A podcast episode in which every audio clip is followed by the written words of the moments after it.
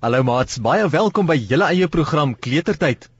In ons storie het ons gehoor dat Karel Kabouter en sy beste dieremaatjie Ollie die olifant gaan inskryf vir 'n T20 krieketkampioenskap wat koning Diamantkroon reël. By die paleisgronde breek Arrie en Abel aasvolle venster van 'n kamer bo in koning Diamantkroon se paleis waar die prysgeld geberre word om dit te steel. Onder op die grond sien Karel en Ollie en konstabel Ben Boerboel net vir Arrie aasvoel by die venster inklim en hulle weet nie dat Adam Aasvoel ook daarbo is nie. Konstabel Ben en sy manne hardloop met die trappe op om hom te gaan vang, maar Ollie gooi vir Karel met sy slurp in die lug op na die venster om vinniger daar te kom. Toe Karel by die venster inklim, skree Adam Aasvoel vir Arrie om vir Karel by die venster uit te stamp. Luister vandag verder na Karel Kabouter speel krieket.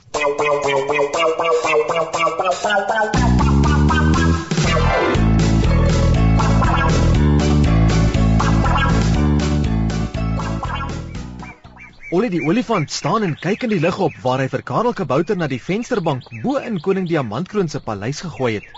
Toe hy sien dat Karel die vensterbank vasgryp en by die venster inklim, haal hy verlig asem. Ek is bly Karel het dit gemaak, sê hy by homself. Ek was so bang dat ek hom dalk nie hoog genoeg gegooi het nie. Ek hoop hy kan daardie asvoel daarbo keer om die prysgeld vir die T20 krieket te steel.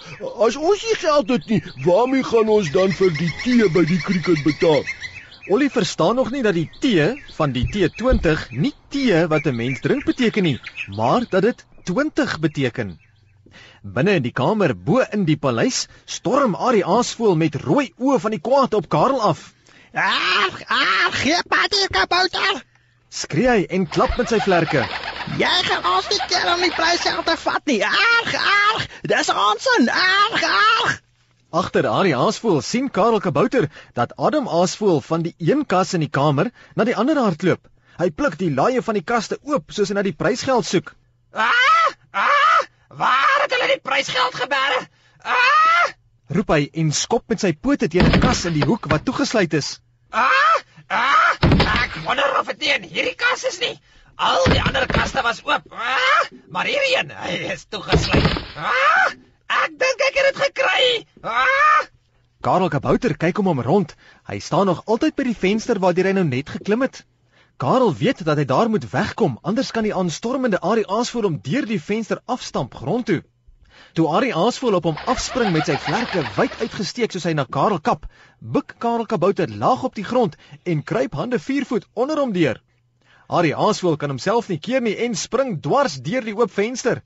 Sy vlerke stamp teen die venster se kusyn en met 'n geskree en gefladder van sy seer vlerke val hy grond toe. Ag, ag, hy la, my vlerke! Roep hy en klap met sy vlerke soos hy probeer om in die lug te bly.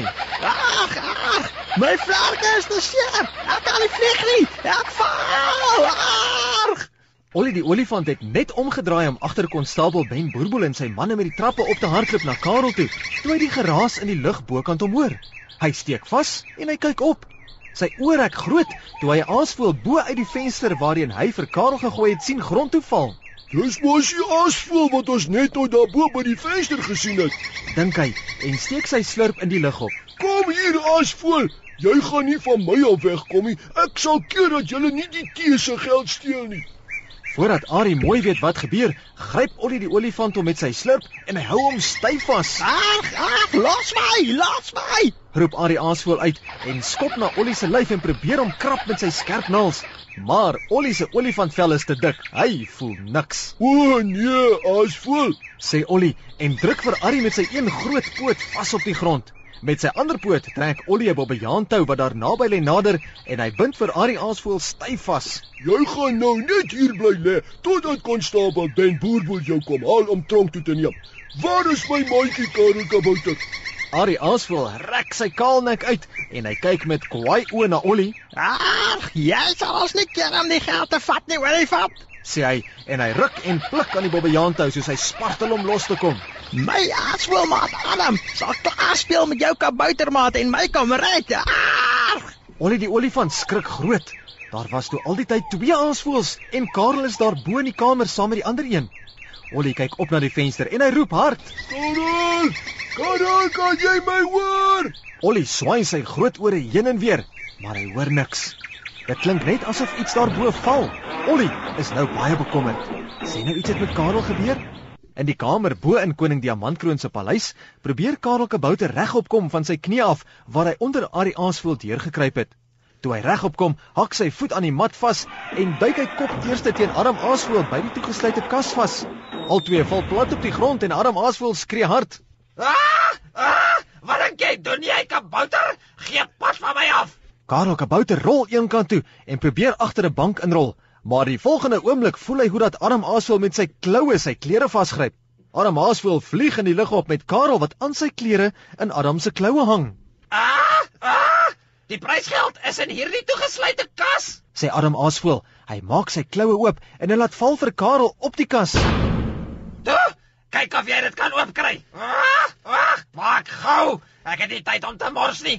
Ek soek daardie geld en vinnig ook. Ah! Adam Aasvoel gaan sit eenkant op die toegesluite kas met sy rug na die deur en sy vlerke wyd uitgesteek sodat Karel nie dalk by hom kan verbyhardloop en wegkom nie. Karel Kabouter dink vinnig. Hy wil nie vir Adam Aasvoel help om die kriketgeld te steel nie. Karel kyk om hom rond en hy sien 'n klerehanger in een van die kaste wat Adam Aasvoel oopgeruk het.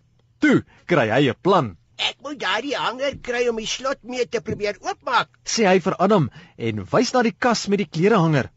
Adam Aasvoel kyk na waar Karel wys en hy waai ongeduldig met sy een vlerk. Ah! Ah! Ja, goed. Maak net gou en moenie my tyd mors nie. Ah! Karel Kabouter klouter van die toegesluite kas af en stap na die kas waarin hy die hanger sien hang. Karel gaan staan op sy tone voor die kas en rek sy arms om die klerehanger van die reëling af te haal.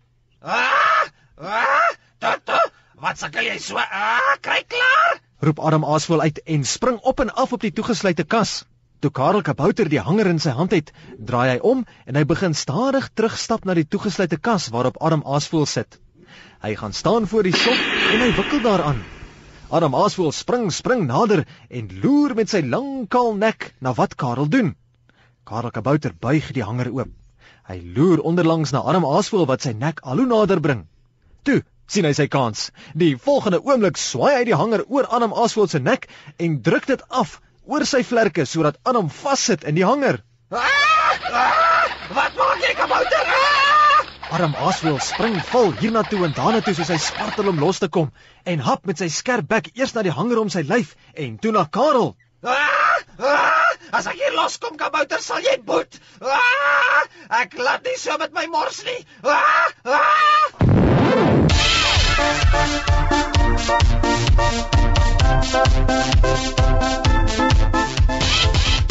Sal Adam Aasvoel loskom en dalk tog die kriketgeld kan steel? Wat gaan van Karel Kabouter word? Kom luister volgende keer verder na Karel Kabouter speel kriket.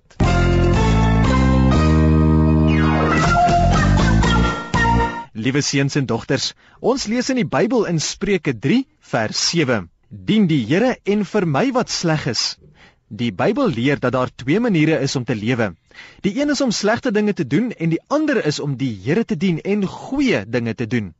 Kom ek en jy kies om elke dag die Here te dien deur vir hom en ander om my lief te wees en aan hulle goed te doen. En as maats of wie ook al wil hê dat ek saam met hulle die slegte dinge moet doen, dan sê ons nee, want ons dien die Here. Ek groet tot volgende keer. Totsiens. Yeah!